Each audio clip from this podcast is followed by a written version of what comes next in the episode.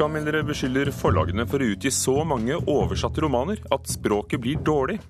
I Spania går krisen utover kulturen. Staten ansetter en egen omdømmekonsulent for å bøte på problemene. Og konservative muslimer i Pakistan fryktet uanstendige vestlige TV-programmer. I stedet fikk de pop-islam på fjernsyn. Dette er Kulturnytt i NRK P2 og Alltid nyheter her i Nyhetsmorgen. Ugo Fermariello i studio. Flere oversatte romaner er den seneste tiden blitt beskyldt for å ha et dårlig språk. Det utgis rundt 700 oversatte skjønnlitterære titler i Norge hvert år. Bokanmelder Margunn Vikingstad er bekymret for eh, kvaliteten på norsk språk i disse bøkene. Hun mener det må gjøres grundigere arbeid med oversettelsene, og at forlagene heller bør utgi færre oversatte romaner. Utenlandsk skjønnlitteratur, som vi har oversatt litteratur. Har du Ligger, står det litt sånn spredt, den oversatte litteraturen? Litt uoversiktlig, kanskje. Men når hun først finner frem i bokhandelen på Litteraturhuset, er det nok av oversatt kjønnlitteratur å velge mellom for litteraturkritiker i Dag og Tid, Margunn Vikingstad. Jennifer Igenstad står jo her, i laget rett over står Paulo Coelho. Men jeg vil kanskje si er ganske to ulike forfattere og forfatterskap som blir oversatt til norsk. Ifølge tall fra Norsk oversetterforening gis det ut rundt 700 oversatte skjønnlitterære bøker i Norge hvert år. For noen år tilbake passerte oversatt kjønnlitteratur norskskreven kjønnlitteratur i antall årlige utgivelser.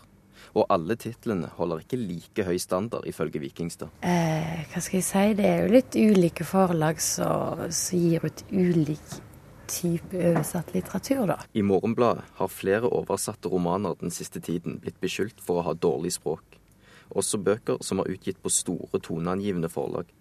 Og avisens litteraturanmeldere stiller spørsmål ved om det høye antallet utgivelser går på bekostning av språkkvaliteten i oversatt litteratur.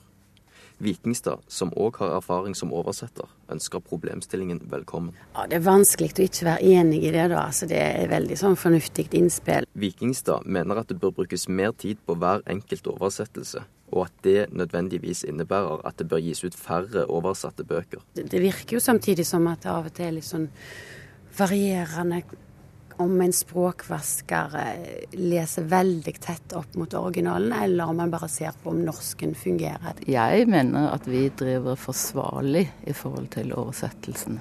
Janniken Øverland er redaktør for oversatt litteratur i Gyldendal. Et av forlagene som har fått kritikk for en oversatt roman i Morgenbladet. Men Øverland står fast ved at det høye antallet utgivelser ikke går på bekostning av arbeidet med å sikre språkkvaliteten. Eh, vi Eh, utfører språkvask, som forlaget står for. Eh, oversetteren får teksten tilbake igjen, og så driver vi med korrektur i neste omgang. Så leser både redaktøren, jeg, og en tekstkonsulent, som det heter, inni forlaget teksten. Og Øverland presiserer at hun ikke gir oversetteroppdraget til hvem som helst. For det første så bruker vi jo det vi synes er bare de beste oversetterne. I dag utgis det nærmere 700 skjønnlitterære titler. Det er faktisk mer enn norskskrevne skjønnlitterære titler. Og vi er mer enn godt i stand til å oversette dem. Leder i Norsk oversetterforening, Cecilie Winger, representerer over 300 skjønnlitterære oversettere. At det økende antallet oversatte titler fremtvinger harelapsarbeid hos sine medlemmer, vil hun avkrefte. På mange måter er det faktisk bedre arbeidsvilkår for oversetterne nå enn før, ifølge Winger. Nå er det jo slik at Før så kom bøkene ofte bare på høsten, så da var det veldig høydepunkter hvor det var masse masse arbeid. Men nå er det jevnere fordelt. Om språkkvaliteten i oversatt kjønnlitteratur utvikler seg til det verre pga. tidspress, mange utgivelser eller andre årsaker, mener Margunn Vikingstad at det er viktig å påtale dette i bokanmeldelser. At en som kritiker kan begynne å se si at dette her er ikke løst på en god måte språklig eller formelt, og du du har eventuelt potensial til å skrive noe mye bedre enn dette her, og hvorfor kommer du sånn, og hvor har forlaget vært her? Og reporter var eh, Dario Kverme Birhane.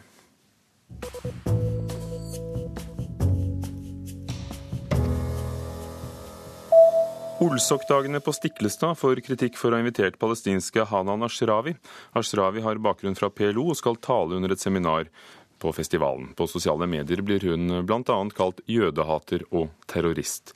Per Steinar Råen ved Stiklestad nasjonale kultursenter, som står bak invitasjonen, sier til Vårt Land i dag at de inviterte Ashrawi fordi de vil gi plass til en av stemmene fra Midtøsten. Og kvintetten Mopti blir kåret til årets unge jazzmusikere under Moldejazz i går. Juryen mener bandet leverer fra første tone og er sterke individer, både musikalsk og instrumentalt. Som vinner får Mopti en toårig lanseringspakke fra Norsk Jazzforum og Rikskonsertene, og et arbeidsstipend fra Grammo på 150 000 kroner. Det var kulturministeren som delte ut prisen til Moptis Christian Meås Svendsen, og han forsto akkurat når de hadde vunnet. Du, det var når de sa P-en i bandet Mopti, fordi Anniken Huitfeldt eh, sa Mop hun begynte med å si MO, og så er det et band som heter Moskus. Og da tenkte jeg ok, da er det Moskus. Og så tenkte jeg Jeg veit ikke hva jeg tenkte på mens hun leste den begrunnelsen. Jeg tenkte kanskje på alle de andre banda. Så akkurat når jeg hørte den P-en, så var det sånn OK, så gikk det Da først da skjønte jeg at det var Mopti som gikk av med seg.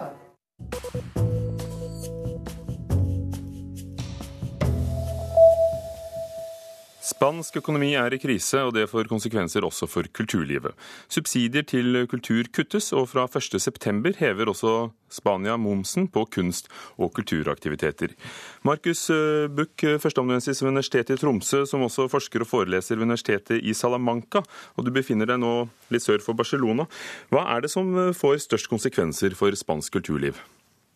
Eh, den største konsekvensen blir jo at den store satsingen som Spania har stått for innenfor det spansktalende området, det kommer til å bli skadelidende. Spania har kort sagt vært på moten kulturelt siden slutten av 80-tallet. Vi kjenner jo dette som en spredning av taperskultur osv.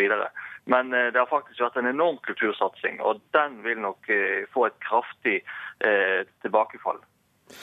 Men samtidig så leste vi f.eks. at i går så demonstrerte 1500 statsansatte i Madrid mot kuttene. Hvem er det som reagerer på kulturkuttene? Fordi i krisetider er det kanskje ikke det som går verst utover befolkningen? Nei, det er det selvsagt ikke. Med 25% arbeidsledighet og store underskudd på statsfinansene, så sier alle her at alle må sette skulderen til for å løfte landet. Og det oppfattes nok som litt syting fra relativt feterte kulturarbeidere. For eh, Spania skal altså spare 65 milliarder euro over tre år for å få ned statsgjelden. Og Markus Bøck, Hvilke tiltak er det de har gjort eh, som rammer kulturen? Det er først og fremst eh, at det nå blir full moms på en god del ting som har vært fritatt. Dette kjenner vi også fra andre land, at en del kulturaktiviteter har lavere eller ingen moms i det hele tatt. Men aller viktigst er nok den store støtten til å spre spansk kultur internasjonalt.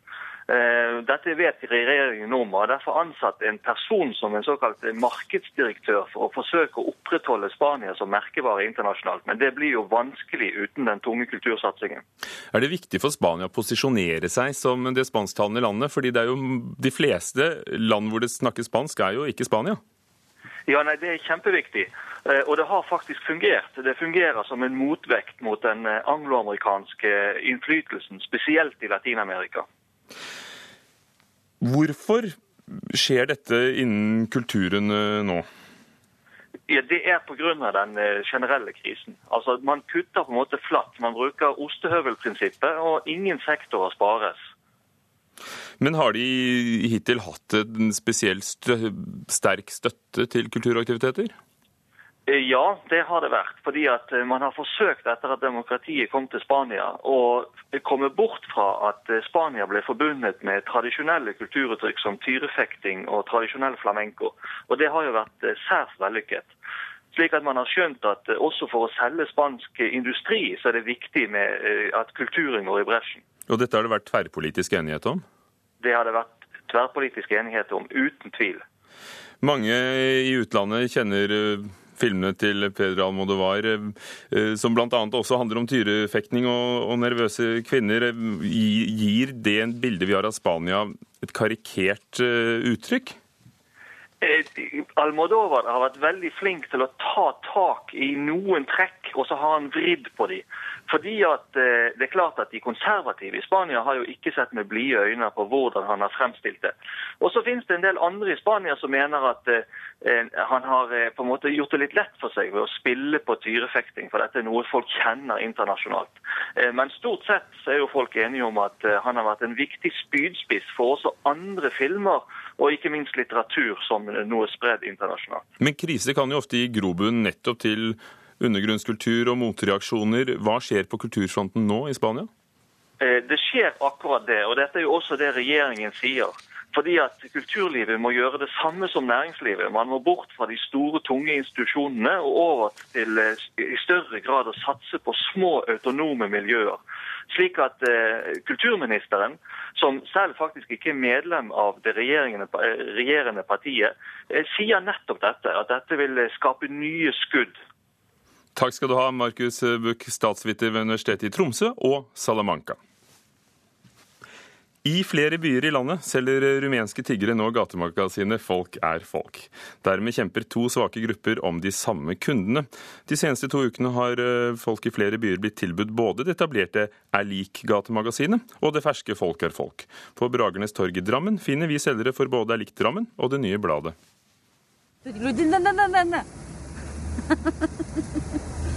uh, what do you do now?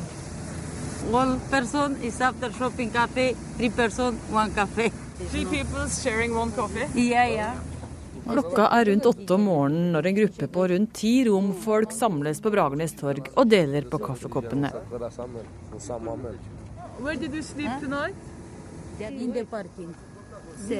Etter en natt i Byparken i Drammen møtes de for å ta fatt på dagens arbeid og selge gatemagasinet Folk er folk. Felicia Brucin har vært i Norge tre år på rad. Hun er glad for å ha en jobb. This is my work and is very happy. Okay. Yes. So you're happy having this work, selling this magazine? Yeah, yeah, is very happy. All working is very happy. Felicia er med i magasinets redaksjon og har skaffet registreringsbevis til de som skal selge i Drammen. I dag skal Elvira få sin autorisasjon. Elvira. Elvira? Yes. What are you doing today? Today I go for uh, our organization for uh, give you authorization for selling magazine. Also you know? Elvira? Yeah. Elvira, yes. yes. Do you have a list with names and you're yeah, saying yeah, you're going yeah, there and you're going there? No, no. No? No, it's all da romfolket startet salget i Drammen for to uker siden, var de kanskje ikke klar over at de trådte inn på en annen svak folkegruppes arena, nemlig rusmisbrukerne. Salg av gatemagasinet er lik Drammen er organisert via Kirkens Bymisjons kontor i Engene, hvor hver får tildelt sin plass i sentrum. Min faste plass er på utsiden av Sparebanken. Frank Kolbrekk har solgt gatemagasinet er lik Drammen utenfor DNB Nord på et Bragernes torg helt siden starten for ett år siden. Der får han i disse dager ikke stå alene. Og det liker han ikke så godt. Det har vært veldig variert nå pga. det at det her, vi blir invadert. Ja, du, ja, du ser rett foran deg hva som skjer. Det blir veldig komplisert å selge blader.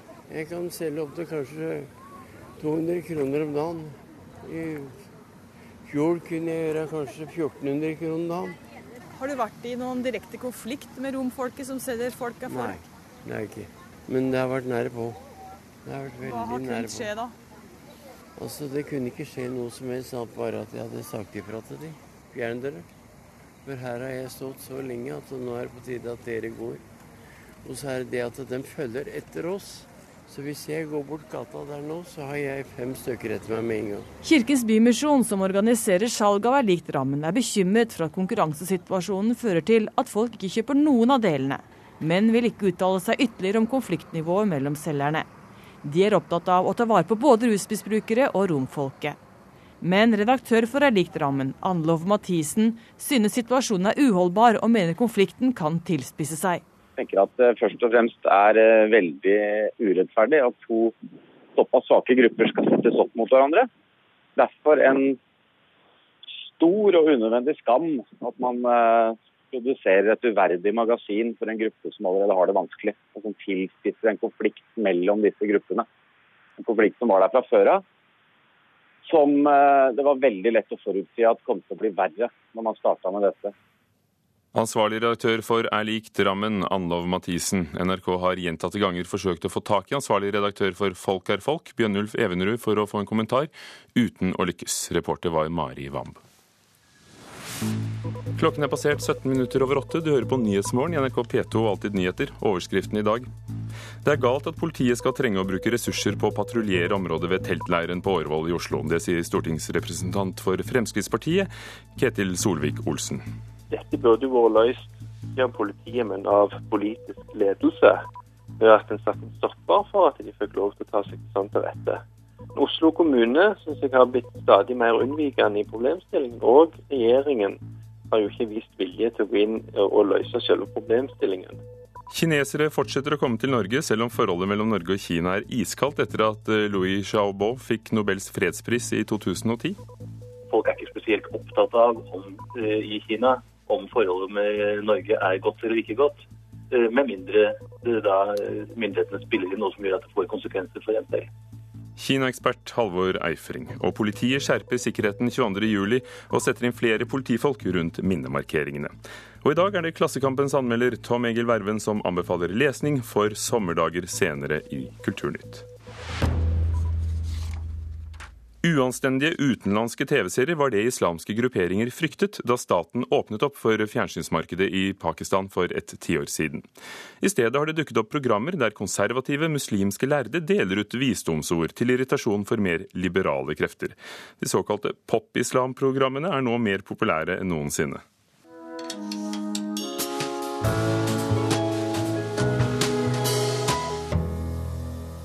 Hver onsdag i sommer har Kulturnytt invitert eh, litteraturkritikere til å anbefale sommerlektyre. I dag hovedanmelder i Klassekampen Tom Egil Verven, god morgen. God morgen. Hva har du tenkt på på akkurat denne dagen?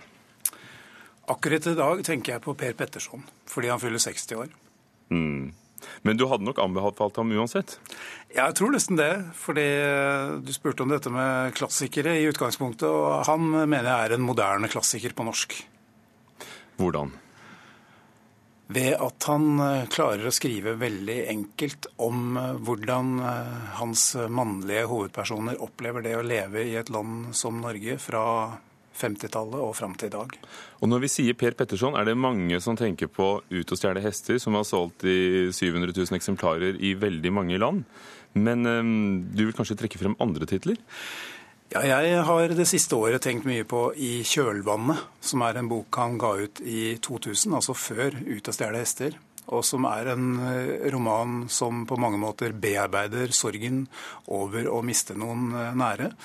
Uh, Petterson mistet selv flere av sine nærmeste i familien i Scandinavians Star-ulykken. Og han brukte altså ti år på å skrive om det. Og hvordan skriver han om sorg? Ja, hva skal jeg si? Um, jeg tenker meg at den romanen eh, på en måte er avtrykket av farens kropp i minnet til hovedpersonen Arvid, som jo går igjen i mange av Per Pettersons bøker. Ikke i 'Ut og stjele hester', men i nesten alle de andre. Og det er Arvids eh, minne om faren, og om faren, hvordan faren var, hvordan han arbeidet, hvordan han gikk, hvordan han eh, snakket. Alt dette er, er, med i denne boken, og, og, det gjør et helt overveldende inntrykk å lese den nå, eh, når jeg har vært med og, og, som mange andre nordmenn, opplevd hvordan folk sørger etter en katastrofe. For du har jo nettopp også fulgt uh, rettssaken, uh, og, og, hvordan vil du sette i kjølvannet av Per Petterson i sammenheng med det vi kommer til å oppleve, minnemarkeringen uh, 22.07? Det som jeg opplevde under rettssaken, var at mange av de som hadde de sterkeste vitnemålene fra Utøya, ikke minst skipperen, han som førte MS Torbjørn vekk fra øya, eh, det språket som de brukte for å, for å mm, skildre sine egne opplevelser, eh, synes for meg å være ganske likt hvordan Per Petterson skildret sorgen. Og det er, er noe der med altså Når man kommer så inn til beina av en menneskelig erfaring, så, så søker man kanskje inn til samme, samme, typer enkle ord og uttrykk. Og det, ja, det var veldig inntrykksfullt for meg. Og når jeg da gikk tilbake til Petterson, så så jeg at uh, her, her, finnes sånne setninger som er så renskårne. Hm. Vi har en renskåren tittel til. av Per Petterson, 'Månen over porten'? Ja, det er hans egen essaysamling om det å skrive og lese. Og der finnes veldig mange gode tekster som gir en inngang til ikke bare å forstå Pettersons eget forfatterskap, men å forstå mange av de forfatterne som han var inspirert av. Du er glad i bøker om bøker? Ja, jeg, jeg, hadde lyst til å si en tittel som jeg faktisk har lest i sommer òg. Det er Anne Farsetås 'Herfra til virkeligheten', som eh, altså handler om forrige tiårs norske litteratur. Om mange av de største forfatterskapene. Hun nevner også Per Petterson, men hun er enda mer opptatt av eh, Mathias Fallbakken, Trude Marstein, Carl Frode Tiller, Jon Fosse, Hanne Ørstavik, Ture Erik Lund og ikke minst Karl Ove Knausgård. Anne Farsetås er jo litteraturredaktør i, i, klasse, i, meg, i, Morgenbladet. Men hva gir det deg, Tom Engel Vervin, å lese eh, essays om bøker og forfattere? Jeg syns hun reflekterer eh, veldig godt over eh, hvordan forfatterskap snakke med hverandre. Og Det er også en ting man kan tenke på en, en dag som i dag når Petterson fyller 60. At han, han, faktisk har en stor betydning også for andre norske forfattere. Både som formidler av utenlandsk litteratur, og ikke minst fordi han rett og slett høyner nivået på hele den norske litteraturen gjennom hvordan han selv skriver. Og selv sier Per Petterson i et av eh, intervjuene han gir i dag, at han ikke har tid å somle bort og eh, lese bare klassikere. Hemingway, Corazanel, Dostojevskij og Hamsun. Hvilken klassiker vil du velge deg, Tom Egil Verven? For ti år siden så kom det ut en formidabel norsk oversettelse av Thomas Manns 'Trolldomsfjellet' ved Per Kvale. Og det tror jeg må være en av de beste oversettelsene som er kommet på norsk de siste tiårene. Og det er også en helt fantastisk roman. Ja, Hvorfor burde vi lese 'Trolldomsfjellet', og ikke, ikke en uh lettlest pocket fra hyllene på supermarkedet? Fordi Hans Kastorp, hovedpersonen i 'Trolldomsfjellet', på mange måter er en nordmann eh, bare for 100 år siden. Han tar seg rett og slett en kjempelang ferie på et sanatorium høyt oppe i fjellene i Alpene. Og Der møter han eh, to stykker, eh, to menn, altså Settembrini og Nafta, som diskuterer fremskrittet og forfallet i menneskeheten de siste ja, skal vi si, 2500 årene. Så det er en ekstrem dannelsesroman. Hvor Nafta jo sier at det menneskene nå eh, trenger, eller må forberede seg på, det er terroren. Og det var altså 100 år siden. Tom Egil Verven, takk for at du var med og anbefalte sommerlesning her i Kulturnytt. Altså 'Trolldomsfjell' av Thomas Mann, 'I kjølvannet og 'Månen over porten' av Per Petterson, og 'Herfra til virkeligheten' av Ane Farsetås. I Ekko om en halvtime skal det fråtses uhemmet i sjøens gaver og bedrives matauk, er det ikke slik, programleder Jan Erlend Leine? Jo da, vi skal i hvert fall snakke om den sjømaten vi bare kan spise og spise så mye vi orker av, uten engang å få snev av dårlig samvittighet for truede arter eller klimaødeleggelser. F.eks. østers. Den blir det mer og mer av på våre breddegrader. Mer enn vi trenger. Så jeg tror vår ekspert vil anbefale at vi kaster oss over denne delikatessen til mer enn forretter i finere selskaper. Og vi tar også med at eh, strandkrabben som barna fanger, den, den havner på bordet hos dere i Ekko klokken 9.03 om en drøy halvtime her i P2. I Kulturnytt har vi i dag hørt at litteraturkritikere mener forlagene utgir så mye oversatte bøker at norsken blir dårlig. Et forlag sier at de bare velger de beste oversetterne, og vasker til og med språket. Kulturnytt var ved Gjermund Jappé, Ugo Fermariello og Espen Hansen.